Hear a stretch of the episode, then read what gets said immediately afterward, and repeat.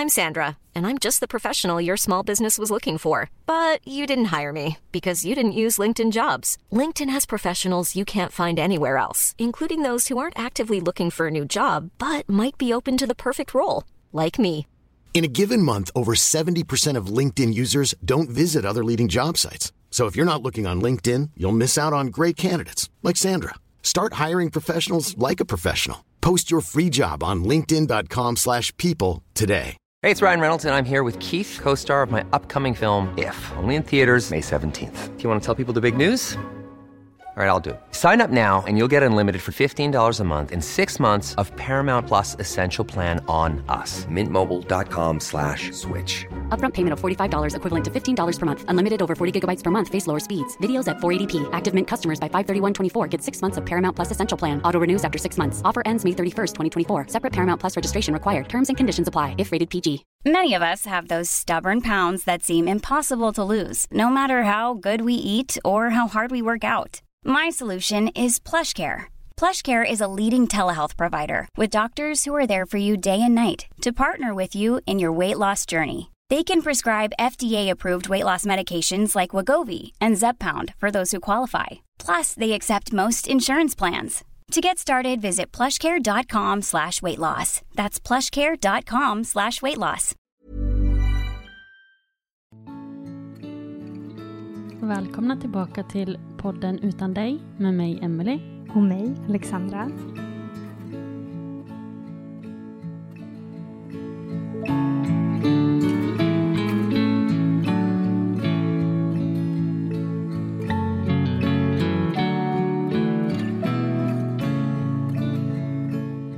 Och idag har vi en gäst här hos oss som heter Robin.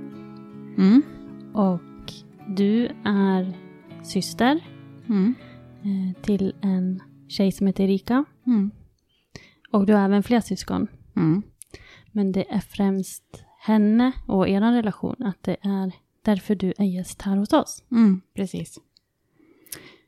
Ja, nej men jag har ju lyssnat på er podd ett tag och så jag har ju alltid tänkt så här, vad händer med, med alla syskon där ute? För man pratar mycket om så här, föräldrar som förlorar barn och sådana här saker. Och, och jag blir ju, ofta när jag hör att det är ett annat barn involverat i det, så blir jag väldigt ledsen för att jag tycker så här att nu får det vara slut någon gång. Alltså det ska inte fortsätta hända sånt här, att folk ska behöva vara med om sånt här.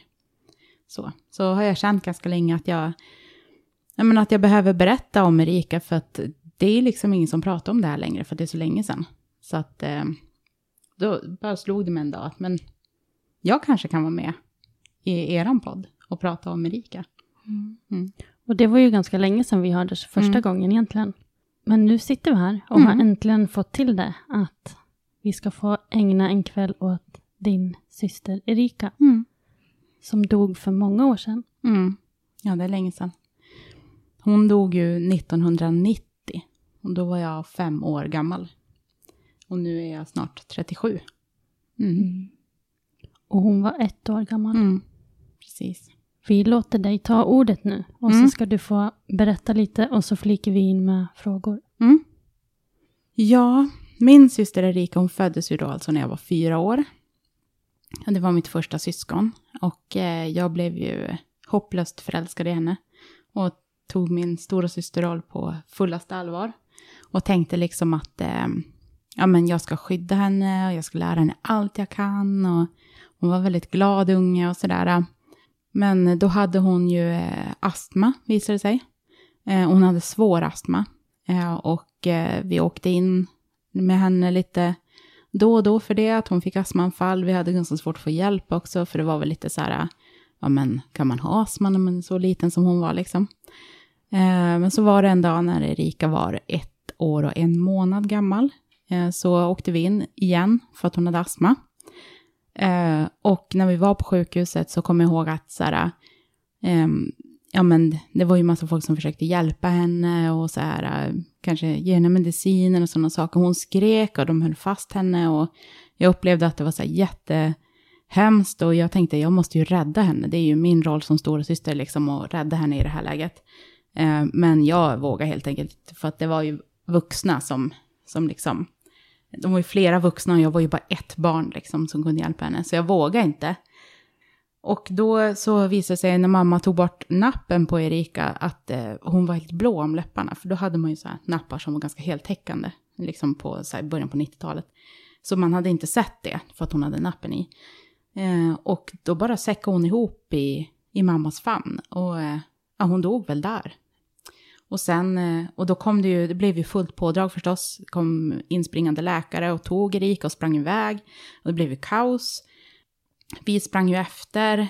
Jag tror mamma sprang för sig och jag och Erikas pappa då, vi sprang liksom eh, efter också. Eh, och sen fick vi sitta i något eh, väntrum ganska länge liksom sådär. Och just den här, här är en minneslucka, jag kommer inte ihåg just det här väntrummet liksom. Men jag vet, jag har fått det berättat för mig sen liksom, för de försökte återuppliva henne ganska länge. Eh, och kom väl ut också och förvarna om att det här ser inte ut att gå så bra liksom. Eh, och sådär, och mamma var ju så här, gå och gör ditt jobb och skicka iväg dem igen.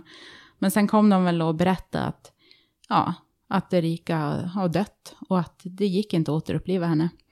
Och då vet jag att min mamma sa så här till mig för att, att eh, jag hade liksom sagt ganska många gånger under, under Erikas liv att ska Erika bli ängel, hade jag frågat min mamma.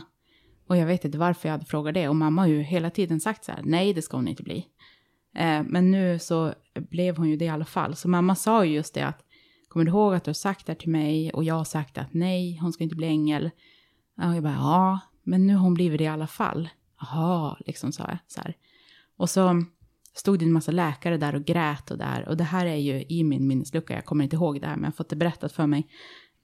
Och sen så gick de ju då och gjorde i ordning Erika, liksom gjorde henne fin och tände ljus och sånt där. Och så skulle vi få gå och hälsa på henne. Här liksom hoppade mitt minne igång igen.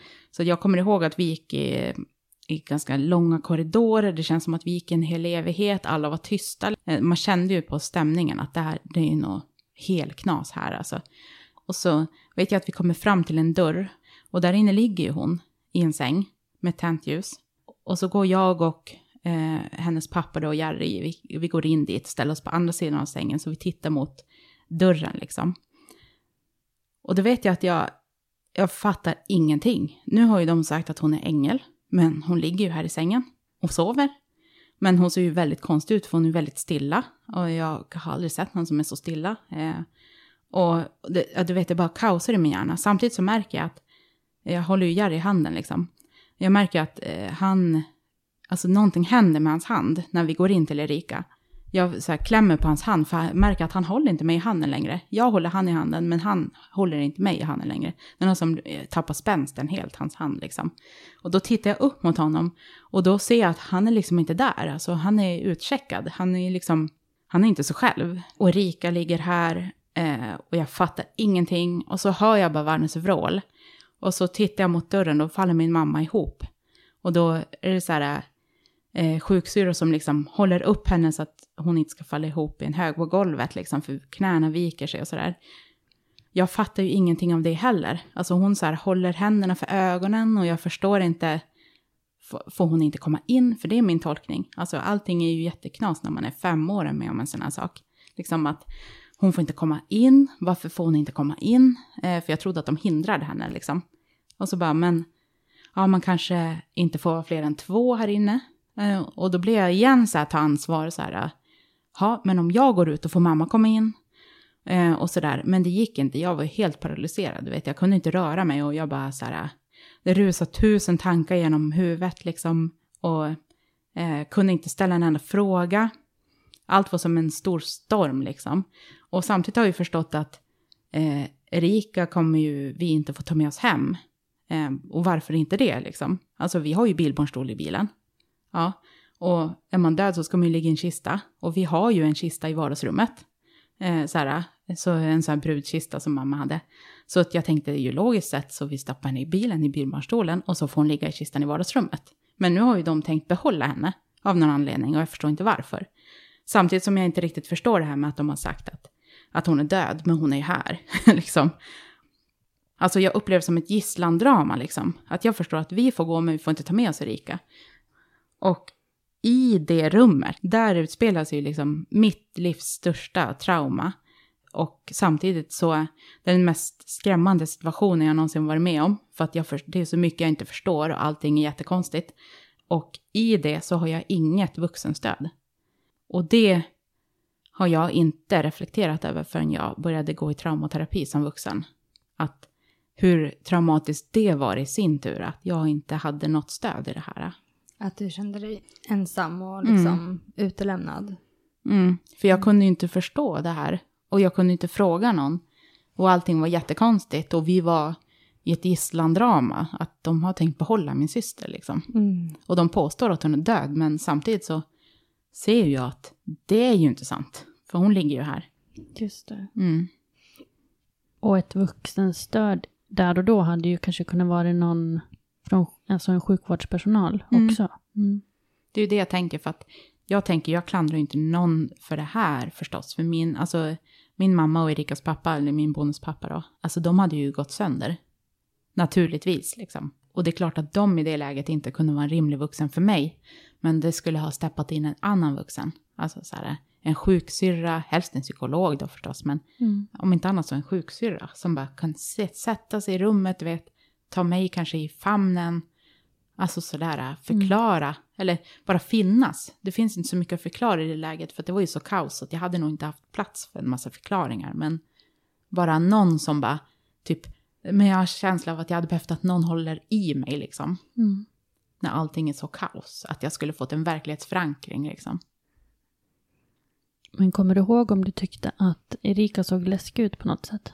Mm, jag kommer ihåg att just det här att hon var så stilla, det fick jag ju inte heller något grepp om. För att just det här att hon är död, men hon ligger ju här så det är ju inte sant. Men hur kan hon vara så, hur kan hon se ut så här liksom? Det var ju så nyss efter så det var ju inte att hon, hon hade ju inte förändrat till färg eller något sånt där. Men, men just att hon, att hon, eh, ja, ni vet ju, alltså de ligger ju så still så det går ju inte att förstå. Man kan inte vara så här stilla liksom. Mm. Mm. Och så var hon en ängel fast hon såg inte ut som en ängel heller. Nej, om hon hade varit en ängel hade hon ju inte legat här. Mm. En ängel är ju och flyger i luften, men hon ligger ju i sängen. Mm. Så att, ja, det är ju, och det är ju helt orimligt. En femåring förstår ju förstås inte sånt här och jag tänker att det är ju ingen som har förberett mig förstås på något sånt här. Jag hade ju ingenting att hålla i liksom. Om du hade fått önska eller fått liksom göra om, hur mm. tycker du att situationen skulle ha hanterats? Eller så här, vad skulle man ha sagt till dig? Mm. Alltså just i den situationen. Alltså, det var en ganska sjuk grej faktiskt. Alltså när jag satt på en buss en gång med min, min då bebis, nu sexåring, liksom. Så satt vi bredvid en person. Och ni vet ju, i Stockholm så pratar man inte med folk på bussar. men, men den här människan började prata med oss. Eh, och då visade det sig, hon började berätta vad hon gjorde. Då är hon alltså en barnpsykolog på ett sjukhus. Och berättar hur, hur det går till att hon är med när barn dör för att stötta familjen. Alltså så här, och hon berättar liksom så här att, ja men då, då är vi med i rummet under tiden när de får gå in och titta på det här barnet liksom. Och vet man om att barnet kommer dö, då är de ju med innan också. Men nu visste vi inte det i vårt fall. Eh, men då är hon med inne i rummet och bara sitter där liksom. Och sen så eh, får de komma tillbaka typ dagen efter och prata med henne. Och sen får de komma tillbaka dagen efter det igen. Och, eh, och då är läkaren med, den behandlande läkaren, så de får ställa frågor. Och så sen så remitterar de liksom dem, förutsatt att de vill det då, till att de får fortsatt samtalsstöd. Och jag tänker, alltså vilket fantastiskt system. Tänk någonting sånt, tänk om vi hade haft det. Alltså jag hade bara behövt någon som är där, som är stabil. Eh, och som inte är våra föräldrar liksom. Och då berättade jag ju för henne efter att vad jag hade varit med om och hur det gick till. Alltså det kändes på något sätt som att det var så här ödet eller något som hade satt oss mm. på samma bussäte liksom. Mm. Mm. Hade hon någon kommentar om det då? Ja, hon sa att så där går det inte till längre, sa hon. Men jag tror att hon ville inte heller kanske lägga jättemycket värdering i, i hur de hade hanterat det. För i princip, han, alltså du vet, det här är ju 1990 då. 32 år sedan. Så att i princip så var det så här, vill ni prata med sjukhusprästen? Eh, och vi är inte kristna någon av oss. Så att eh, mamma sa ju liksom nej, han kommer inte in här liksom. Mm. Och sen var det ju liksom, ja, de fick ju sätta sig i bilen och köra hem efter det här. Alltså bara en sån sak. Alltså när man precis har förlorat barn så ska man sitta och köra bil. Alltså sånt skulle ju ha varit uppstyrt. Att de få en taxi hem eller vad som helst. Eller att man kan ringa någon som kommer och hämtar dem eller jag vet inte. Men det var ju ingenting som var uppstyrt. Men hur var det då, på den tiden, som, som du säger 32 år sedan, när barn dog? För tidigare, så, alltså ännu tidigare, längre bak i tiden, så var det typ så här, lägg locket på och glöm det här, det här har aldrig hänt liksom. Hur var det då? Kan du minnas? Ja, det var ju lite, lite grann så. Grejen är att efter, alltså på sjukhuset så kom ju min farfar och hämtade mig. Mamma, alltså när vi var inne i rummet med Rika så, så sa mamma, så här, hon kom ju in eh, och sa liksom så här att, ja men, eh, och försökte samla sig och sa att, men pussa Erika och säg hej då. Och då gjorde jag det. Och efter det så har någon släckt lampan liksom. Bara pussade henne och sa hej då och så bara slocknade det. Och då har jag fått berättat för mig sen att min farfar hämtade mig och jag åkte hem till min farmor. Och min farmor är ju liksom ja, den viktigaste vuxna efter mamma liksom när jag var barn. Så, eh, så hon var ju jättebra. Hon jobbar ju också med barn. Hon är ju fantastisk liksom. Så hon var ju så här satt uppe med mig hela kvällen. Jag var en sån unge som egentligen somnade klockan sex. Men du vet, vi satt ju uppe till midnatt och sjöng och hade oss och pratade om himlen och Erika och, och sådär. Eh, så jag hade den här stabila vuxna då liksom. Och eh, sen så var det ju så att när jag kom hem från farmor och farfar eh, dagen efter så sprang jag ju till Erikas säng för att kolla liksom så här, eh, om hon var där. Men eh, då istället låg det så här äh, Barbiedockor där. Som var, alltså det låg presenter och i de presenterna var det Barbiedockor. Och det var en familj, en mamma och pappa och två barn. Så som vår familj såg ut. Och det var ju skitbra för att då kunde ju jag leka att så här, äh, att det ena barnet dog på alla möjliga sätt och vis liksom. Så det gjorde mamma väldigt, väldigt bra mitt i hennes eh, egna kaos liksom. Men sen, sen så hennes pappa hanterade det så att han började plocka bort alla grejer. Så de försvann ju snabbt alltså. Och det var väl hans sätt att hantera det på. Men jag tror att för oss i längden så har inte det varit bra för att det har ju blivit sådär att vi har lagt locket på lite. Vi har inte pratat om det mycket alls liksom. Och vi har haft ett foto uppe på Erika hela min uppväxt liksom. Och det, that's it liksom. Och så finns det ju en Erika-låda där sakerna hamnade. Och den lådan har ju alltid varit väldigt laddad. Så man vill ju inte gå in i den lådan och börja grotta liksom. Mm. Mm. Fick du någon sak från Erika som du liksom kunde ha nära? Mm, jag fick hennes, eh, eh, två av hennes gosedjur. Och de hade jag ju, eh, speciellt det ena gosedjuret sov jag ju med i många, många år liksom. Så den var helt trasig till slut. men eh, ja, men det var, det var fint. Vad var dödsorsaken? Eh, man visste ju inte det då när hon dog. Men man observerar ju henne för att ja, man måste ju ta reda på det då när det händer något sånt där. Eh, och då visade det sig att hon hade hjärtmuskelinflammation. Så att det man kan få det av, till exempel om man är förkyld och tränar eller sådär, jag vet inte exakt. Men, men hon fick det och som jag har förstått det så finns det typ fem grader eller något sånt där. Hon hade den värsta graden. Så mitt i allt så, om man tänker så här, hon, vi var på sjukhuset, alltså hon fick omedelbar läkarhjälp eh, liksom. Eh, och de kunde inte rädda henne i alla fall. Och när vi fick veta dödsorsaken så fick vi veta att den här, alltså grad 5, det överlever man inte. Eh, så att någonstans har det varit skönt att veta, för det har varit så här att, ja men, man kan inte tänka så här, men tänk om vi hade hit eller tänk om vi hade dit och sånt där, som jag förstår att det lätt blir annars liksom. Men när man har tänkt så, men tänk om vi hade, ja men vadå, tänk om vi hade. Det fanns ju ingenting som hade kunnat ske för att det här inte skulle ha hänt liksom. Mm. Men vet man vart den här hjärtmuskelinflammationen kom från? Nej, det vet man väl inte. Men som jag spekulerar så tänker jag ju så här, för hon hade ju svår astma alltså. Eh, så säkert så blev hon förkyld och så vart hon för överansträngd av sin astma liksom. Det är vad jag tror, men ja, jag vet inte. Vi har inte fått det, vi har bara fått veta att det var det hon dog av liksom. Men på sätt och vis så är det så här också att det här är ju inte något som är ärftligt eller någonting.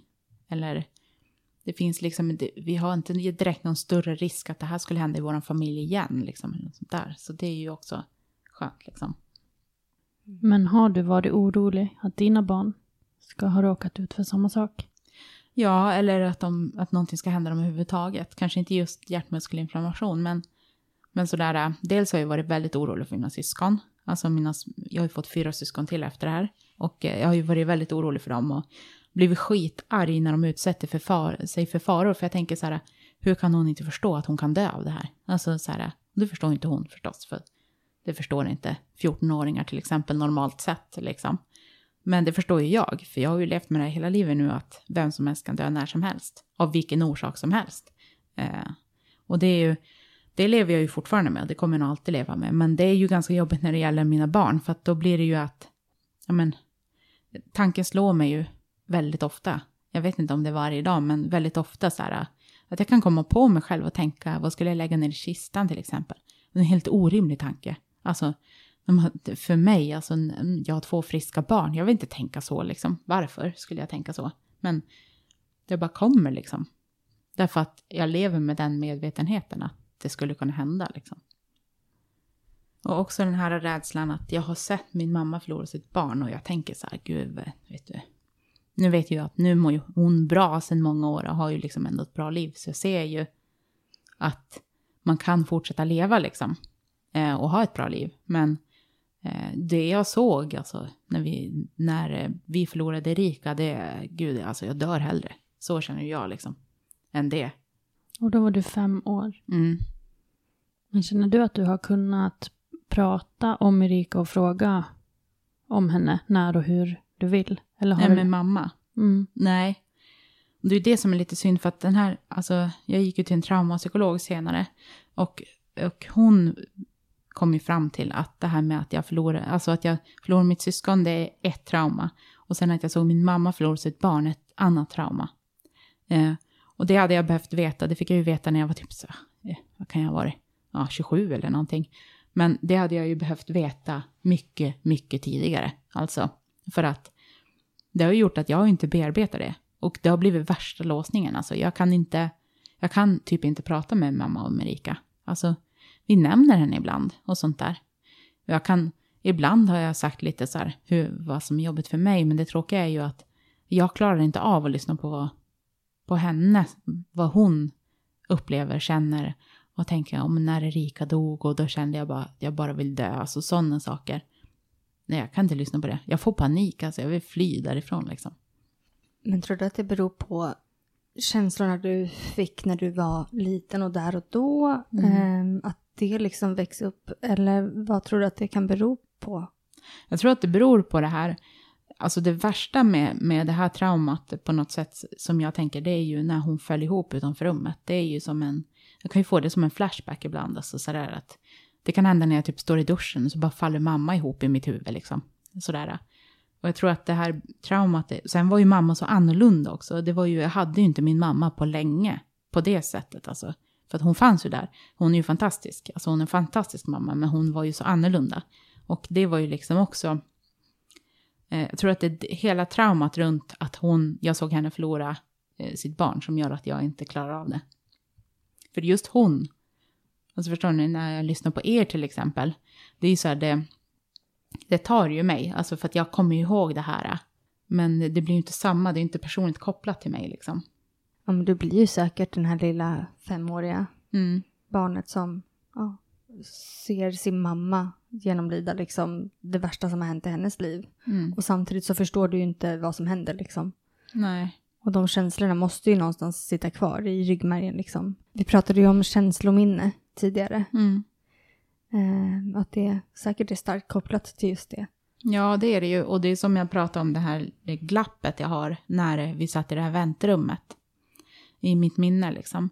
För att jag har ju vissa glapp i mina minnen liksom i det här. Men jag, det är ju det att, till exempel det här att jag kom till farmor eh, sen efter, det kommer jag ju inte ihåg. Men, men alla de minnena som jag då inte har sakligt är ju lika starka känslomässigt ändå. Så när jag tänker på när jag kom till farmor så blir jag lika ledsen som när jag tänker på när vi gick in i rummet där Erika låg till exempel.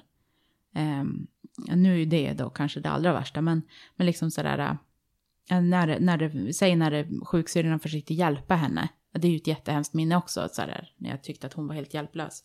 Uh, men, men just det här, äh, det jag inte kommer ihåg är lika starkt i mina känslor. Liksom.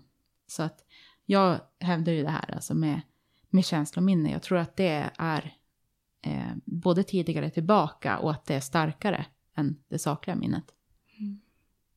Hur var det sen då? När, när Erika hade dött, eh, hade ni begravning och sådär också för Mm. henne?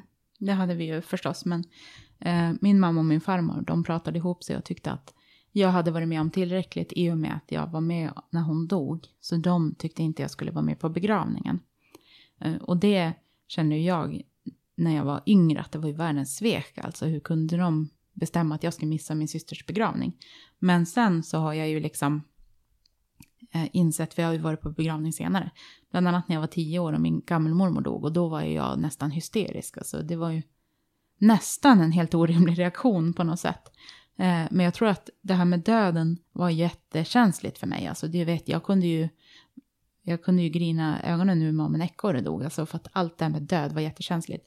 Eh, och jag tror att hade jag varit på den begravningen, för jag vet att mammas knän vek, vek sig där också. För jag har eh, sett det lite på en bild så här, som jag ja, råkade se när jag var liten hos en släkting. Liksom. Och då tänker jag att alltså jag vågar inte, jag, nej, det hade inte varit bra för mig att vara med på den där begravningen. Jag tror att jag hade behövt trauma, aha, terapi för det också faktiskt. Mm. Mm. Så i efterhand, för jag och farmor har pratat om det ganska många gånger, för att jag var så besviken på dem. Eh, men i efterhand så, jag, för mig var det rätt beslut som de tog liksom. För jag hade verkligen varit med om tillräckligt. Men hur var det sen efteråt, efter att eh, Erika hade dött? Eh, hemma liksom. Annan mm. stämning och mycket frågetecken och, mm. och sådär. Hur var den tiden? Men jag tror att mamma försökte ju liksom göra sitt bästa för mig. Liksom. Jag bodde ju med mamma, kan man säga, nästan på heltid. Liksom. Och, och eh, men jag kommer ihåg så här minnen som att hon, om hon diskade till exempel och vände ryggen mot, eller om jag frågade någonting så kunde hon så här eh, leda mig vidare på något annat liksom och sådär. För att hon orkar ju inte heller, liksom. Det förstår jag ju liksom. Men eh, det tog ganska länge innan, innan jag grät hemma liksom. Eh, och då så vet jag att mamma berättade om någon gång jag hade kört över min egen fot med dockvagnen, det kommer jag ihåg liksom. Och då grät jag ju, alltså det fanns ju ingen stopp på hur mycket jag grät liksom för det. Eh, och jag ritade ju så här ledsna gubbar på soffkuddarna och jag var ingen så här, alltså jag var ingen sån unge som brukar förstöra grejer. Men, men just det här liksom att, och de förstod, jag fick ju aldrig något skit för något sånt där, för att liksom de förstod ju eh, att det var kopplat till Erika liksom. Eh, och jag vet inte, den här Barbie-familjen jag pratade om, jag så här, den där Barbie-mamman, alltså, hon råkade ut för allt möjligt. Alltså, så här, hon klippte av henne tår och fingrar och hår. Och, och det var ju också en sån där grej som jag aldrig gjorde annars. Så att det var väl något uttryck för. Jag försökte väl uttrycka mig på det sätt jag kunde liksom. Men var du rädd för att liksom lyfta dina egna känslor och, och tankar till din mamma för att du inte ville att hon skulle bli ledsen? Mm, jo, Eh, det var jag ju förstås och liksom... Men det var svårt då också att prata med mamma. Jag gjorde det ibland. Jag sa så att jag är ledsen för Erika och sånt där kunde jag säga. Men annars så var det ju så farmor jag vände mig till mest alltså. För att farmor var ju inte farmor till Erika. Utan vi, jag och Erika hade olika pappor. Fast hon var jätteledsen för att Erika var död. Så var ju inte det var inte personligt kopplat till henne ändå riktigt sådär. Så att jag kunde prata med farmor. Jag visste att farmor pallar att jag pratade med henne.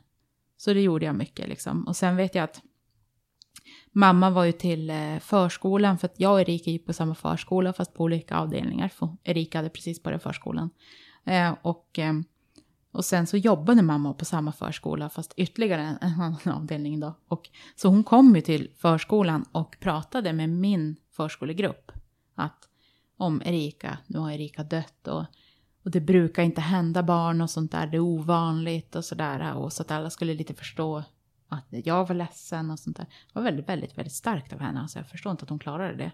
Om hon stålsatte sig nog bara för, för min skull liksom. Men det var, jag, märk, jag vet att jag hade, jag hade mycket så här special i förskolan. Att jag fick gå ifrån samlingen. Det var ingen som blev arg på mig för att jag gick ifrån samlingen till exempel. Och sånt där. För samling pallar jag inte. Det var ju så här, sitta i en ring och finnas liksom. Det, det pallade jag inte. Jag var tvungen att göra någonting. Så, så, att, så det blev ändå väldigt bra sådär. De förskolepedagogerna och så, det var inte så att de tog upp och började prata om det här, utan de bara lät mig vara liksom. Och så, ja, så pallade jag. Sen började ungarna leka och då var jag med och lekte liksom. Har du också varit typ arg på Erika för att hon dog? Nej, nej det har jag aldrig känt. Utan jag kände mig så här, En period så var jag väldigt arg på mig själv. För att jag inte kunde rädda henne när, när de här äh, sjuksyrrorna höll på att hålla fast henne och skulle ge henne medicin och sådana saker. Alltså just det här att jag vet att de försökte hjälpa henne, det visste jag på något sätt. Men just det här att jag hade en känsla att hon behövde räddas och att jag inte pallade. Att jag inte klarade av det, det var jag ganska arg på mig själv för ett tag. Mm. Men det släppte det också. Men man går ju igenom sådär lite olika grejer. Nej, men ett tag var jag arg på läkarna också. För jag tänkte så här, om vi hade fått bättre hjälp med hennes astma så kanske hon aldrig hade fått hjärtmuskelinflammation. Och det vet man ju fortfarande inte, så kanske det är. Men det är ingenting som jag, alltså orkar inte fundera på det nu, det blir bara jobbigt liksom. Mm. Har du några speciella favoritminnen av vad ni brukade leka eller göra? Mm.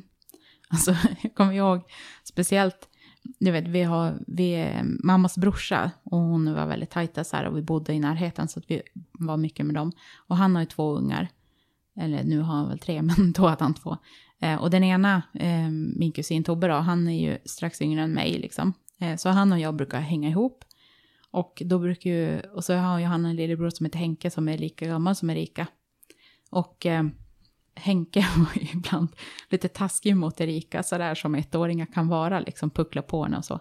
Och, och då skrek ju Erika och då var det ju som, då kutade vi in dit, jag och Tobbe, vet du, som två riktiga hjältar och bara, jag röck Erika därifrån och Tobbe pucklade på Henke. Så det är ganska roligt att tänka på det där i mm. efterhand liksom.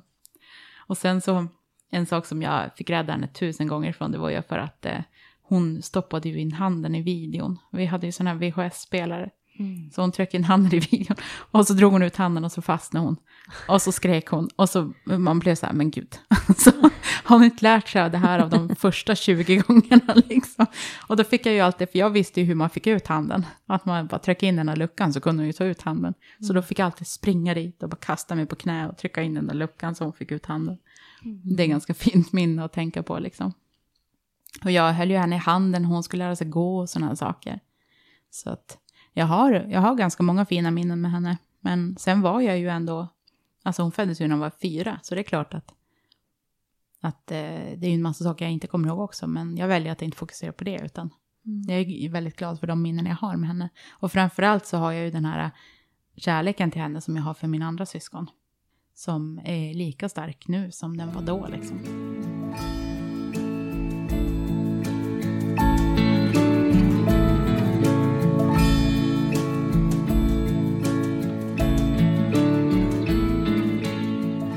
Kommer du ihåg om du har tänkt någonting som att när du fick dina andra syskon, mm. att du trodde eller hade hoppats eller velat att det skulle vara Erika? Egentligen så här, alltså ibland när man var arg på, eh, arg på sina syskon så tänkte man ju, man glorifierade ju Erika mycket för hon hann ju inte ställa till med en massa skit och vara, vara jobbig liksom. Så ibland så var det som, men gud, Erika hade aldrig gjort sådär. Alltså, men det vet man ju inte. Alltså hade hon blivit 14 så hade hon ställt, säkert ställt till med en massa skit liksom. Men det, eh, det vet man ju inte. Och då, ja, nej, det var inte så där att jag kände att någon av mina syskon, att om det hade varit Erika, då har jag aldrig känt. För att jag har, alla mina syskon är, är ju liksom sina egna. Liksom. Och det är det som är också lite ibland när folk har sagt, ja men vilken tur att du har fått fyra syskon till. Och jag blir så här, men eh, vad har det ens med saken att göra? Jag kan inte koppla ihop det på det sättet liksom. Mm. För att de är ju de. De har ingenting att göra med att Erika dog liksom. Och det mildrar inte det på något sätt liksom. Nej, hon fattas ju lika mycket för det. Mm, precis. Men hur var det att få syskon igen efter att Erika hade dött? Jag blev ju alltid, alltså för varje syskon så blev jag ju jätteglad. Alltså speciellt tror jag första. Eh, för att då var det ju, jag hade ju fått en stora systerroll. Och sen så plötsligt hade jag inget syskon att applicera det på liksom. Och eh, då var det ju när eh, min andra syster kom då, då eh, var det ju som att jag, då fick jag ju vara stora syster igen, vilket jag ju kände hela tiden att jag var, men du vet, det var ju tomt hemma. Det fanns ju inget syskon där liksom, fysiskt i alla fall. Eh, men, eh, nej, men jag har alltid blivit jätteglad, men sen så lever man ju med den här medvetenheten att liksom, och vem som helst kan dö när som helst. Och det har ju applicerats också på mina syskon, att jag har varit orolig, att det ska hända de grejer. Sådär, det är ju fortfarande, men nu är de i alla fall vuxna. och kan ta lite bättre beslut i sina liv, hoppas jag. ja. Vet du om de har känt någon så här avundsjuka på att de aldrig har fått träffa Erika? Jag tror inte det. Eller jo, jo min, eh, kanske min syster, hon som föddes efter, för att de hade ju varit väldigt nära i ålder. Eh, och också samma pappa och sådär, så jag tror att hon har, känt, hon har uttryckt det lite grann, att hon har känt att, ja, men hon, hon vet ju inte hur det hade varit om Erika hade levt sådär. Ja, samtidigt så tänker jag, jag är ju vansinnigt glad att jag fick den här tiden med Erika. Eh, men det är ju också så här, det här traumat som jag har, det slipper ju de liksom, som föddes efter. Liksom. Så det, det, är ju både och det där. Jag förstår ju om de verkligen hade velat ha den där tiden med Rika, men nu blev det ju inte så liksom. Mm. Kan du avundas dem ibland att de slipper ha ett sånt trauma i sitt liv? Jo, jo det kan jag. Alltså om, om man nu ska separera liksom det här med att Erika och Erikas liv med traumat så, så är ju det är klart att jag, den här tiden med Erika och Erikas liv, det är klart att jag vill ha den. Eh, jag ska ju inte för allt i världen ge upp det, men men samtidigt så, det här traumat önskar jag ju själv att jag inte hade. Eh, för att det är tufft att leva med det. Alltså sådär, eh, nu har ju jag, Eh, jag hade ju långa sånger, såhär, sorgeperioder när jag var yngre. Såhär. Jag kunde ha, vet hon föddes i augusti och dog i september, eh, året efter då. Men den här månaden mellan augusti och september, den var liksom eh, jättejobbig under min uppväxt. Alltså ända fram till jag var, ja jag vet inte, men 23 kanske. Eh, innan det började släppa de här sorgeperioderna. Det var ganska jobbigt att ha en sån här sorgeperiod en månad varje år liksom. Och sen också den här medvetenheten, det är mest den jag hade velat bli av med, för de här sorgeperioderna har jag ju inte kvar längre. Eh, men det kan vara så här, ja, enstaka dagar eller enstaka stunder som jag känner, men inte så här perioder, det har jag inte längre. Men, eh, men just den här medvetenheten om att vem som helst kan dö när som helst, det är som ett alarm i huvudet. Och den här eh, psykologen, traumapsykologen, hon förklarade för mig att när, när ett sånt larm har gått och liksom man, hjärnan berättar att det här stämmer, det här larmet som går nu, det är sant, eh, då, då går inte det larmet att stänga av igen. Och det har ju att göra med det här med, ja men går man, hon beskrev det här, det stämmer inte så bra på Sverige, men går man förbi ett träsk och en krokodil hoppar upp och biter i foten, då, då vet man ju nästa gång man går förbi ett träsk att nu kan det hoppa upp en krokodil och bita den i foten. Ja. Och då blir man ju liksom, det är därför det här larmet inte stänger av, för att skydda oss. Men det larmet hade jag velat verkligen kunna stänga av alltså. För det här, det händer inte mig skyddet som jag förstår det som att väldigt många har. Alltså det har inte jag. Och jag hade gärna velat ha det skyddet. Hellre vara naiv och så får man ta smällen om det händer något, än att, än att gå och veta om att det här kan hända mig liksom. Kan ni relatera till det? Mm. Jag har i och för sig alltid varit ganska så här harig eller mm. rädd, liksom orolig. Men det har ju blivit mycket värre. Mm. Absolut. Ja, jag kan också koppla det lite till, kanske inte gå runt och vara orolig och rädd, utan också att man är lite så här eh, likgiltig, alltså orkar typ inte riktigt bry sig blir det ju också på ett sätt. Mm. Uh, ja, och det vill man ju inte, så vill man ju inte vara heller. Nej men typ att när man hör andras problem. Ja. Att mm. man säger, men vad är det egentligen för problem? Mm. Ja, men och mm. för sig själv också. Alltså, att man typ inte orkar bry sig om, ja, nu kommer jag inte på några bra exempel, men skitdyr elräkning. Det är så här, mm. ja, ja, det är bara pengar. Alltså, mm.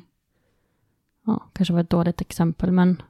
Nej, men det är, jag förstår, det är som med det politiska läget nu här i Sverige också. Eh, jag som hbtq-person är inte asnöjd över hur mycket röster Sverigedemokraterna har fått till exempel. Men jag tänker så här, vet jag orkar inte ens. Nu är det bara så. Mm. ja. Mm. Det blir som, som att man, jag vet inte, är, man orkar inte belasta hjärnan med hur mycket oro och tankar som helst. Liksom. Mm. Och det är ju också kanske ett skydd också i sig, att jag är medveten om att vad som helst kan hända när som helst, men jag kan inte gå i skräck för det. Liksom att förlora mina barn till exempel, det är ju en sån här grej som jag är jätte, jätterädd för, för att det har hänt i min familj tidigare. Men jag kan inte gå i den skräcken, för då skulle inte jag kunna leva liksom. Det är bara jobbigt att man aktivt måste tänka på att mm. sluta tänka på det. Mm. Eller förstår du vad jag menar? Det blir mm. lite... Mm. mm. Det är jättejobbigt, för man blir väldigt trött av det. Mm. Visst. Och någonstans tror jag, kommer man till det att man kan separera det liksom sådär, ja men det var i mitt fall då, det var Erika. det handlar inte om mina barn. Det handlar inte om mina andra syskon, det handlar om Erika liksom. Då är det ju kanske lättare, men det är ju, det är ju skitsvårt, herregud. Mm. Men hur hade du, eller så här, om du fick ge ett råd Mm. till en förälder som har flera barn, men ena barnet har dött. Mm. Vad skulle det rådet vara? Alltså det främsta skulle ju rakt av vara att se till att det här barnet har en annan vuxen. En annan än föräldern som har förlorat sitt barn. För att man kan inte förvänta sig av det av föräldrarna. Att de ska vara top notch och kunna ta hand om sina andra barn i, i deras största trauma fullt ut liksom. För att man har så mycket med sig själv. Utan det är bara, alltså en annan vuxen, vem som pallar, alltså st- som står pall. Och kan, det är klart att den personen behöver inte vara så här att den inte blir ledsen eller något sånt där. Men bara så här så att det här barnet känner att jag kan berätta det här för den här vuxna och den står pall. Och sen tror jag faktiskt, kanske inte liksom dagen efter, men ganska snart ändå, att det kan vara värt att ta barnen till en psykolog. Alltså. I alla fall om de är några år. För att jag tänker att passar inte det så passar inte det. Men de har i alla fall försökt. Du vet, för att jag fick ju inte... Det här det var ingen som kom på det här förrän jag var 14 år, förstår ni. Då hade det gått nio år. Det är alldeles för länge. Det, jag mådde inte bra när jag var 14 år, för att det här var så obearbetat liksom. Och jag började leva i förnekelse och sådana här saker. Så när jag väl kom till psykologen, då hade det gått alldeles för långt redan. Sen, sen gick jag i flera år och sådär. Men ja, det är väl det, är väl det egentligen. Och om man kan sådär, alltså sådär om, ehm, om det finns möjlighet att det finns en annan vuxen med. Speciellt tänker jag då om man vet om att det här kommer hända. Då kan man kanske förbereda det att, att det ska vara en psykolog eller en sjuksyrra eller någon som kan vara där och ta hand om barnet liksom. Men tänker du då väldigt nära anknutet till dödstillfället? Mm. Ja, både så här, jag har ju lyssnat på någon, någon som ni har haft från den här lilla Ersta, eller vad det kallar ni det, som jobbar som syskonstödjare. Det avsnittet var ju jättenyttigt för mig, för någonting, nu är jag, alltså det, jag har kommit så långt i det här så att jag går inte omkring och mår dåligt eller känner att jag egentligen behöver så himla mycket nu, mer än att prata om Erika, typ. Men däremot så, alltså det var väldigt helande för mig, för jag har tänkt mycket på hur det gick till när, när vi förlorade Erika och jag tänker så här, det får inte gå till på det sättet liksom. Det måste finnas stöd för, det här, alltså för föräldrarna också. Men jag tänker ju ändå så här, som barn i den här situationen, det måste finnas någon vuxen som fångar upp de här barnen liksom. Och det var väldigt fint att få lyssna på den här, att de går ut i skogen och, och sådär. Kan prata om fåglar och kanske om de hittar en död fågel kan de prata om den liksom och sådär. Ja, precis. Det är ju då Kerstin från Lilla Erstagården som jobbar som syskonstödjare Mm. tillsammans med Barncancerfonden. Och det är ja, jättefint att det finns. Och det pratade vi om då också, att vi önskar att det här fanns för fler. Nu har ju vi haft turen att de är sammankopplade, Lilla Erstagården och Barncancerfonden, alltså som, ja, för våra barns skull. Mm. Men det finns ju många andra syskon som behöver det här också. Ja, och även sen när det händer så här akut som det gjorde för oss. Att det finns någon på sjukhuset. Alltså, nej, men att det i alla fall finns någon så här som, som har lite koll på hur man stöttar ett barn i det här läget. Som bara kan vara med liksom. Sen tänker jag att din farmor där vart ju också som en extra vuxenstöd. Mm. Ja, och det har varit guld värt. Alltså det är under, faktiskt under alla år. Så är det någon som jag pratar med om Erika så är det ju min farmor faktiskt. I'm Sandra, and I'm just the professional your small business was looking for. But you didn't hire me because you didn't use LinkedIn jobs. LinkedIn has professionals you can't find anywhere else, including those who aren't actively looking for a new job but might be open to the perfect role, like me. In a given month, over 70% of LinkedIn users don't visit other leading job sites. So if you're not looking on LinkedIn, you'll miss out on great candidates like Sandra. Start hiring professionals like a professional. Post your free job on linkedin.com/people today. Hey, it's Ryan Reynolds, and I'm here with Keith, co star of my upcoming film, If, only in theaters, May 17th. Do you want to tell people the big news? All right, I'll do it. Sign up now and you'll get unlimited for $15 a month in six months of Paramount Plus Essential Plan on us. Mintmobile.com slash switch. Upfront payment of $45 equivalent to $15 per month. Unlimited over 40 gigabytes per month. Face lower speeds. Videos at 480p. Active Mint customers by 531.24 get six months of Paramount Plus Essential Plan. Auto renews after six months. Offer ends May 31st, 2024. Separate Paramount Plus registration required. Terms and conditions apply if rated PG. Och också så här, för hon har ju kunnat berätta hur det var när jag var liten, att jag kunde så här, hon berättade om någon eh, gång när jag var så här, åtta år, då har det ju alltså gått tre år. Jag så här, jag satt på sparken, man har ju spark i, uppe i Norrland, och så här och tittade mot stjärnorna och sa att men kan du inte komma tillbaka Erika, du har ju varit där så länge nu liksom. Och sånt där, farmor blir ju känslig och börjar gråta och sånt där, det gör ingenting. Mm. Men eh, det är så här, man märker hur mycket hon också egentligen har varit med om genom mig liksom. Mm. Mm. Ja, det känns som man plopp, det ploppar upp jättemycket frågor till dig. Mm. Det är ju för att man tänker så mycket på sig själv. Alltså, mm. och typ som Ester och Ture nu då. Alltså jag tänker ju på, vi har ju hemma, eh, lite som du nämnde där, en minneslåda med grejer. Mm.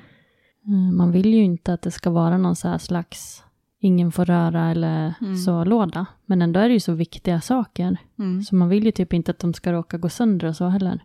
Nej. Men vad tycker du med typ praktiska fysiska saker då? Hade du velat att det var framme eller funnits mer eller? Ja, alltså jag tänker i ett sånt läge kanske man kan dela upp grejerna. Man tänker så här, äh, mina allra, allra viktigaste saker sätter jag en ingen får röra-låda. Ja, men, men andra saker kan ju få stå kvar. Och sen menar jag inte liksom, alltså ett helt rum med tusen leksaker, utan bara så här, äh, ha kvar lite grejer. Alltså så här äh, som kanske men andra barn får leka med eller eller ha uppe tavlor och ha uppe några kläder. Alltså kanske kan återanvända några kläder som, som det barnet har haft eller vad som helst. Liksom. Vad man pallar själv liksom. Men jag tänker att jag känner en annan familj som har eh, förlorat ett av deras barn fast han var ju då 20. Men det är en sån ganska nära kopplad familj till, eh, till mig då. Eh, och de har ju alltid pratat om honom. Alltså han har varit så levande i deras familj. Och jag vet att någon gång när vi var där och så åkte vi därifrån sen, alltså jag blev så ledsen för att jag kände så här, han har varit så levande i deras familj alla år och vi har liksom bara lagt locket på liksom. Mm. Att lägga locket på är ingenting jag rekommenderar för det, det kommer inte bli bra i längden liksom. Mm. Men tycker du att man som förälder själv ska vara den som börjar prata. Eh, om det här syskonet som inte lever längre?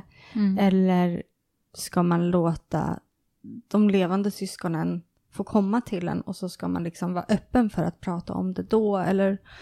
Jag vet inte, både och tror jag, men, men jag tror att det hade hjälpt om eh, vi prat, alltså om de vuxna pratade om Erika hemma liksom så här, ja men eh, vad som helst, ja men det här är ju, den här tårtan älskade ju Erika eller vad som helst, ja, det är hennes favoritleksak. Eller åh, kommer ihåg när Erika badade och gjorde det och det? Eller vad som helst, för då hade ju jag kanske, eh, återigen så klandrar jag ingen för att vi inte gjorde det, men, men återigen så hade jag ju liksom eh, kanske känt att det fanns en öppenhet för att prata med dem om Erika då. Mm, att det inte hade blivit så laddat. Ja, och då hade vi kanske inte heller bara behövt prata om, alltså, för det blev ju som att man nästan bara, ska jag prata med Erika, ska jag prata om när hon dog? Sådär. Utan då kanske vi hade pratat om så här, när hon badade eller vad som helst, så kanske det inte hade varit så laddat att prata om Erika överhuvudtaget. Och det kanske inte hade varit så att man bara behöver prata om förlusten liksom.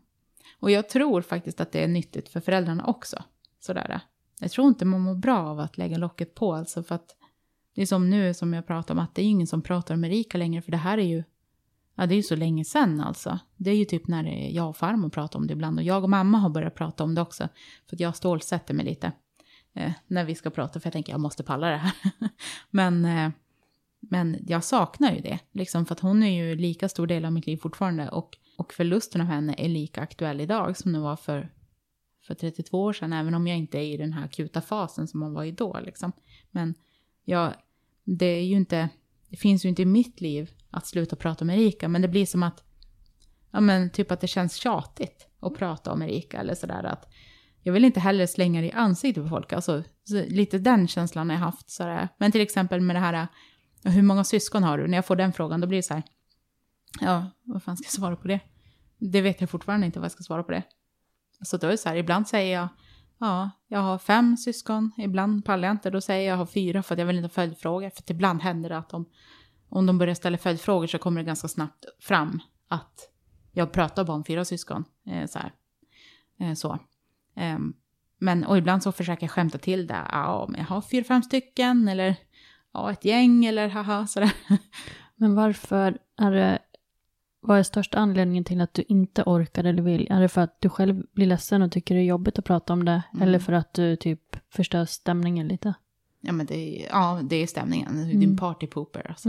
Det är ju liksom, folk blir ju, jag märker ju när jag säger, ja men mitt, eh, om jag skulle säga det, jag har fem syskon och ett är i himlen. Då blir det så, oj.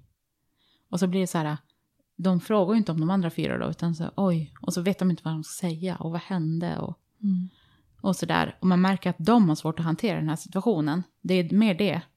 För att det här är ju liksom, jag pallar ju att prata om hur rika, jag kan ju prata om hur rika hur mycket som helst.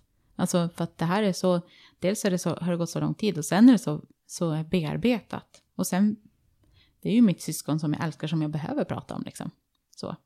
Ja, och så kanske de här nu då som man partypoopar, de Mm. ser ju en själv, man blir lite som en annan person i deras ögon också. Mm. Typ som att de behandlar en lite så här, oj oj oj, helt plötsligt. Mm.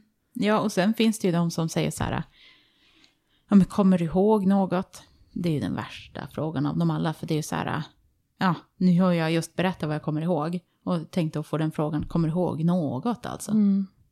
Det, det är liksom, jag bara, vem fan ställer ens en sån fråga liksom? Mm. Eh, och då tänker jag så här, ja men, det har jag tänkt mycket på, men vad skulle man kunna säga istället då? Ja, men jag tror att, anta att folk kommer ihåg. Alltså så här, speciellt i alla fall om det är den åldern. Och sen får de väl säga att, man kan ju säga så här, ja men hur var det liksom? Och då får väl den människan säga att, ja men jag kommer inte ihåg så mycket då, om det skulle vara så.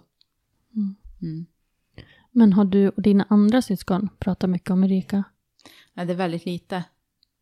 Väldigt lite faktiskt. Två av mina syskon är ju inte syskon med Erika, för de är ju på pappas sida då. Men de andra två, ja, det, vi pratar om det ibland. Alltså väldigt, väldigt, väldigt sällan alltså. Det går lång tid mellan gångerna. Men ehm, ja, jag vet inte. Jag har ju berättat lite grann för båda två vid två olika tillfällen om vad som hände liksom.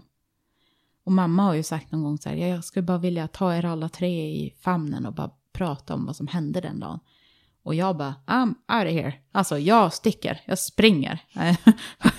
jag sa, ta de två famnen bäst du vill, nu är de ganska stora i och för sig. Men, men liksom jag tänker inte vara med, aldrig i livet. Alltså för att det är ju för att det är så laddat liksom.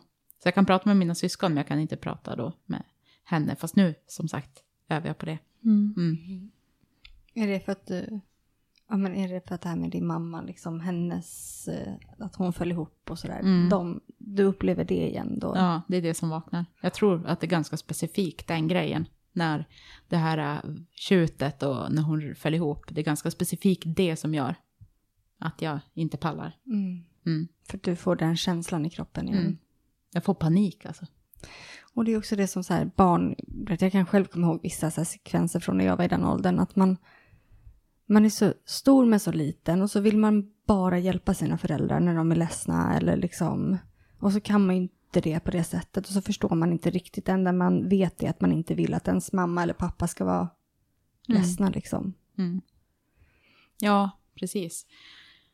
Ja, det är ju, så är det ju. Men det är ju som att eh, nu har vi prat, vi börjat prata om henne lite grann och sådär. Och mamma pallar ju det, att jag pratar med henne om det. Det har ju varit tvärtom. Sådär. Så det är jag som lite grann får, när hon börjar prata med Erika ibland, hon gör ju det väldigt försiktigt. För jag har varit öppen med henne om att det här, det här traumat är för starkt liksom. Eh, men eh, jag får ju stålsätta mig. Jag får ju liksom så här, ja okej, det är lugnt, du kan sitta kvar här. Det, det här har redan hänt. Så, mm. Men har du kunnat prata eh, med kompisar om Erika? Mm. Men det blir också sådär, alltså, jag pratar väldigt sällan om Erika med dem också för att men det här det blir som så tjatigt. Jag har ju egentligen inte mer att säga än vad jag redan har sagt till många av dem. För att det är ju det här jag har i mina minnen liksom. Men det som, jag tror att de, folk tänker så här, ja men du förlorade, eh, om jag nu tar mitt eget fall, du förlorade Erika för när du var fem år, det är 32 år sedan. Men jag, tyck, jag tänker så här, det stämmer inte riktigt för att jag förlorar henne egentligen varje dag. Alltså jag förlorar varje dag med henne, fortfarande. Jag menar hon hade ju nu varit då eh, 33 år. Liksom, hon har ju hittills missat 32 år. Och det är så här, ja men vad hade hon gjort? Hade hon, vet jag, varit med i något fotbollslag? Hade hon jobbat med något som hon tycker är roligt? Hade hon haft barn? Hade hon varit ute och rest? Eh, jag vet inte, hade hon varit straight eller gay? Eller? Jag har ingen aning. För att vi förlorar, vi förlorar liksom, varje dag förlorar vi den dagen. Så. Och det, det, jag tror inte att folk som inte har varit med om något sånt här tänker på det sättet, men jag tänker på det. Och så tror jag inte heller att folk mm, förstår behovet av att få berätta och prata och kanske då tjata som vissa kanske tycker att man gör. Mm. Trots att det är samma historia liksom hela tiden. För att man bearbetar då och man kanske någonstans kommer något undermedvetet minne upp och liksom så här. Man vill ju prata om, om, om du vill prata om Erika och det här är ju det du har, har att berätta. Du har ju bara en begränsad tid med henne. Du kan inte skapa flera nya minnen med henne. Liksom. Och då är det fortfarande att du har ett behov av att prata om henne. Ja, såklart. Och jag tänker så här, ja, men den här familjen till exempel som berättade om som förlorade sig, eh, sin eh, son och bror då när han var 20. Ja, men de har ju massor av grejer att prata om. Så att jag, jag menar det här, jag får ju höra nya grejer om den här människan lite då och då liksom. Sådär, för det, och jag tänker det gör det ju lättare att prata om det. Att man kan ha nya saker. Jag har bara det här. Alltså jag, jag har ungefär det här jag berättar nu och kanske lite till. That's it liksom. Ja, det finns inget mer. Men hon saknas mig ju varje dag. Och jag tänker så här, äh, verkligen, ja men hur hon hade varit. Jag har ju drömt så här, väldigt verkliga drömmar ibland. Så här, äh, som är att som hon nästan kommer till mig på riktigt liksom. Alltså så där att, och jag fick, i en av de drömmarna fick jag liksom träffa henne som, som 17 år som hon hade varit då liksom. Och så här, jag vet inte. Men det är, jag vet inte om det är min egen hjärna som bara väver ihop det för att jag skulle vilja veta hur hon hade varit liksom. Men tror du på det övernaturliga? Lite grann, jag kan inte låta bli. Jag är så här väldigt rationell och logisk av mig egentligen och tror på så, science och du vet så här. Men samtidigt så har jag saker som jag inte kan förklara. Och en sak till exempel var ju när vi var till, när jag förlorade min, en av mina bästa vänner för ett tag sedan, eller för tio år sedan. Och då var jag och vi var som, en, fanns, det finns en tredje person i det här som också är bästa vän med oss. Och, och vi var till ett medium, för vi ville prata med honom. Och det mediumet tog ju inte upp någonting om honom. Men däremot, för det hade precis hänt då. Eh, däremot så sa han till mig, började han prata med mig och sa jag har en liten flicka med mig. Och jag bara, eh, ja. Och en, och en norsk gubbe. Och jag har ju, mina två syskon på pappas sida är ju halvnorska. Så att eh, jag har ju norsk låtsassläkt liksom. Ja. Ehm, och jag förstod ju precis vilken norsk gubbe de menar liksom. Det är ju deras morfar, eh, tänker ju jag. Och sen började han prata om det där. Och så pratade han om, han hade tidigare pratat om folk som har mediala förmågor och som går på utbildning hos honom. Och jag är ju så här, jag har svårt att tro på det här. så, alltså, men då liksom så här, så sa han att han har en psykologfru. Eh, och han, vissa av de här brukar han skicka till, till frun för de behöver bearbeta sina trauman först. Och så sa han det till mig då när han hade pratat om flera stycken andra som var så här jätteverkliga grejer. Typ att du, du har en kille bakom dig som har legat i respirator länge och han var ung och bla bla bla. Och man tänker så här, men det där hittar man bara inte på. Folk har inte en sån kille i sin närhet, de flesta. Så lyckas han pricka rätt person. Det är ju liksom... Och det här när han då sa den här med, med den här lilla tjejen, den norska gubben. Då sa han också så här att du har det här mediala förmågan. Men du är en av dem jag ska skicka till min fru.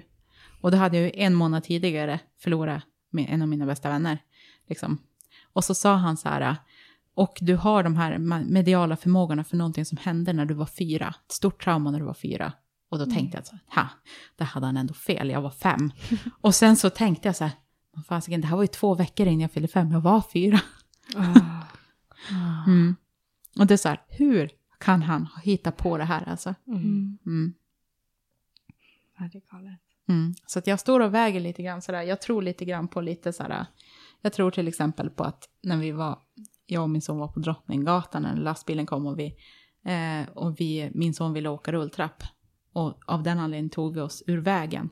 Och då tänker jag så här, var det Erika som talade om för oss att vi skulle åka rulltrapp? Min farmor är helt övertygad om det. Hon sa att det var, han visste att ni behövde ta er ur vägen. Han var ett år och ville åka rulltrapp. Jag vet inte.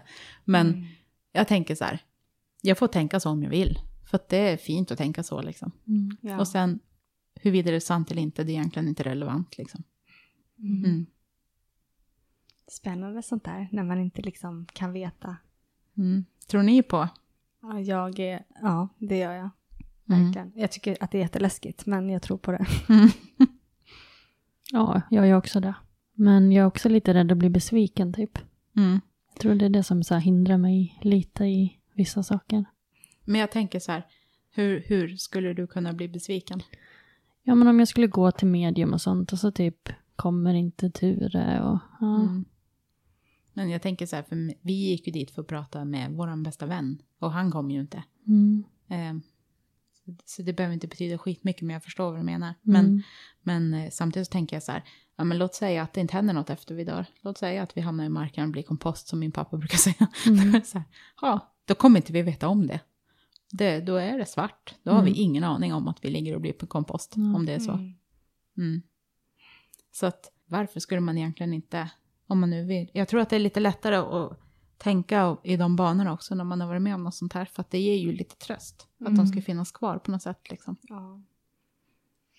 ja, men det är så många som jag har hört, liksom så här, änglaföräldrar eh, Mm. som, som vi har hört från. Att det är så här, det måste bara vara så att vi får träffa våra barn igen. Liksom. Eller som Mm. för din del, att du får träffa Erika igen. Liksom. Det bara måste vara så. Mm. Mm, och jag har ju alltid tänkt så. Alltså jag var ju, när jag var yngre var jag aldrig rädd för döden och sånt där. För jag tänkte att när jag dör då kommer Erika och hämta mig. Liksom. Sen har jag fått barn och det blev en helt annan femma. Det är ju jättekonsekvenser, nu kommer jag inte tänka så länge. Men, men det är fint på något sätt att tänka att en dag ses vi liksom. Och då kanske jag får veta hur hon hade varit. Mm. Undrar om hon är ett då, eller om hon är 33. Ja, det har jag tänkt på också. Ja. Jag vet inte, men jag tänker att jag tror inte hon är ett Nej. i all evighet. Men vad, vad stannar de då? Det är ju Mm. spännande. Alltså finns det någon golden age när man bara säger 27? Mm. Exakt. Sen så. Ja, men tydligen med tanke på de här uh, Club 27 eller vad det nu kallas. Ja. Mm. Vi har ju pratat om det, just det tidigare, att eh, för jag hörde någonstans att tiden går mycket långsammare där, där, där de är, om man Mm. säger så, än vad det gör här. Så flera år här är typ fem minuter där. Mm. Eh, Och det tyckte ju du var en Mm. tröst för Det var dig. jätteskönt. Ja, för det kändes som att jag inte skulle missa lika mycket typ. Mm. Mm. Av tur, alltså Ja. när han växte liksom. För Mm. att det är samtidigt, säg att man, låt oss säga att man lever till man är, i mitt fall då, 96. Mm. Då skulle Sally liksom ha varit 70. Mm. det blir jättekonstigt. Mm. Jag har ju ändå missat hela hennes liv. Liksom, Mm. ja, liv, vad det nu Mm. skulle vara. Men Mm. det blir ju också, du har Mm. missat det där med. Mm. Men det kanske inte finns någon ålder. Nej, kanske inte. Och tror ni att sådana här svårigheter och, och sånt som de har haft, sjukdomar och sådana här saker, att de är, inte finns längre där de är nu? Mm. Jag tror inte att det finns där. Nej. Eller jag tror i alla fall att uh, Ture kan gå och springa och tjoa och äta glass och... Mm. Mm. Mm. Men som vi pratade om innan vi började spela in det här avsnittet också, att man vill inte försköna himlen för ens, alltså himlen, eller vart man nu hamnar, men för ens barn Mm. som lever. Nej.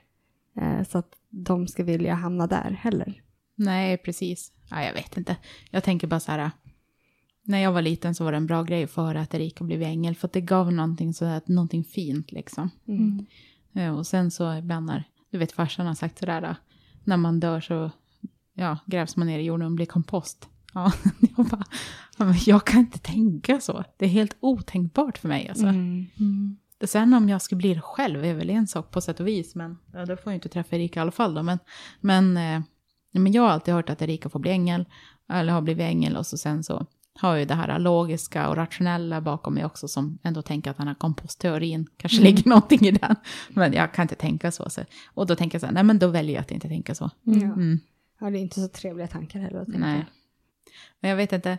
Jag ville dels vara med här för att jag ville liksom prata om, om just det här med när man, dels när vad som händer kanske för ett barn som är med om en sån här sak um, och en sån här stor förlust och hur många dimensioner det egentligen eh, påverkar just det här med att mina vuxna inte är sig själva, liksom, till exempel.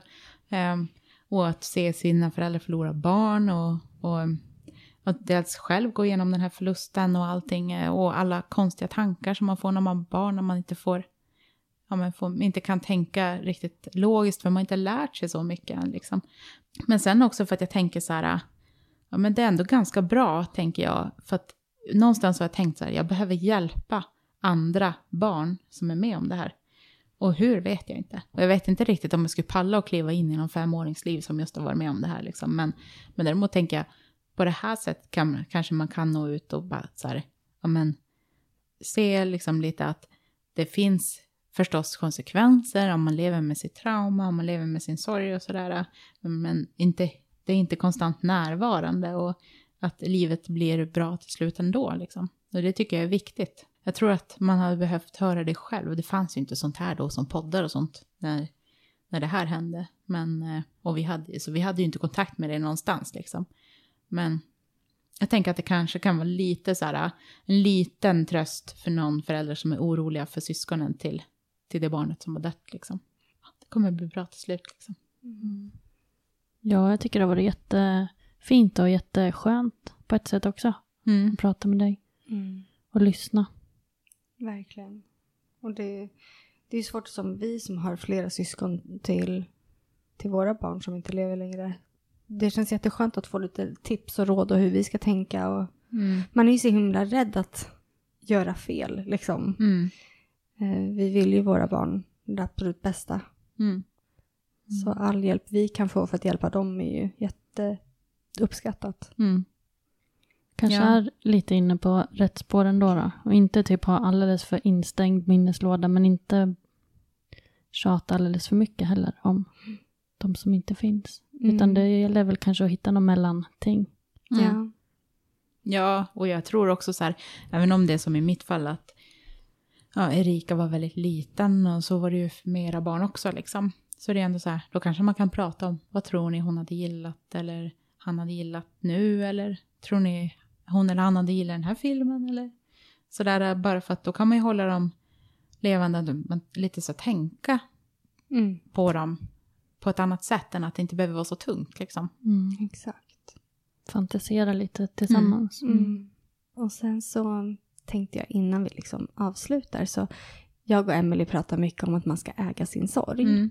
Och då tänkte jag höra vad du gör för att äga din sorg. dels har jag accepterat att hon är död. Jag tycker inte att det är okej att hon är det. Men det är så här, hon är död. Och det kommer inte förändras liksom. Och det var väldigt skönt att komma fram till det. Eh, och sen så tänker jag så här, ja men som häromdagen så var det faktiskt årsdagen då för hennes död, 20 september. Det är ju en vecka sedan ungefär. Och då åkte jag till jobbet och så tänkte jag så här, nu är det 20 september. Ja, den här dagen kan bli skitjobbig. Eller så kanske det är jobbigt en stund. Eller så är det inte jobbigt. Och det är okej vilket som liksom.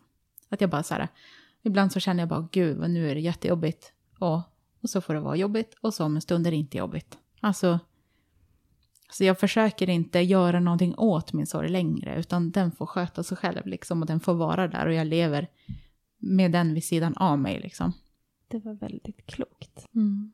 Tack så jättemycket för att du har varit här med oss idag och pratat och funderat och Mm. ja, spekulerat. Ja men tack för att vi fick komma och kul att vi fick till det till slut och att vi Mm. kunde ses på riktigt och inte via en skärm. Verkligen. Mm. Tack. Tack. Tack.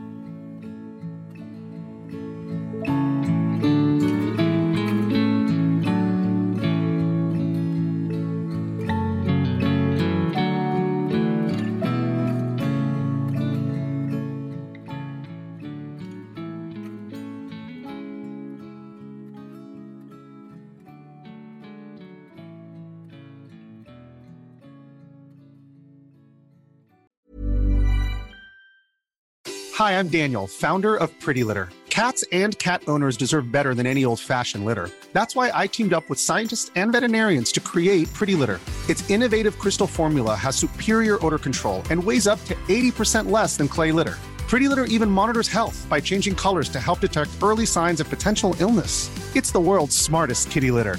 Go to prettylitter.com and use code ACAST for 20% off your first order and a free cat toy. Terms and conditions apply. See site for details. Planning for your next trip?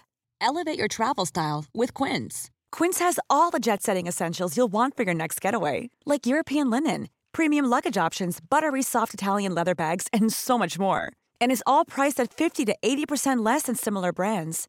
Plus, Quince only works with factories that use safe and ethical manufacturing practices. Pack your bags with high-quality essentials you'll be wearing for vacations to come with Quince. Go to quince.com slash pack for free shipping and 365-day returns.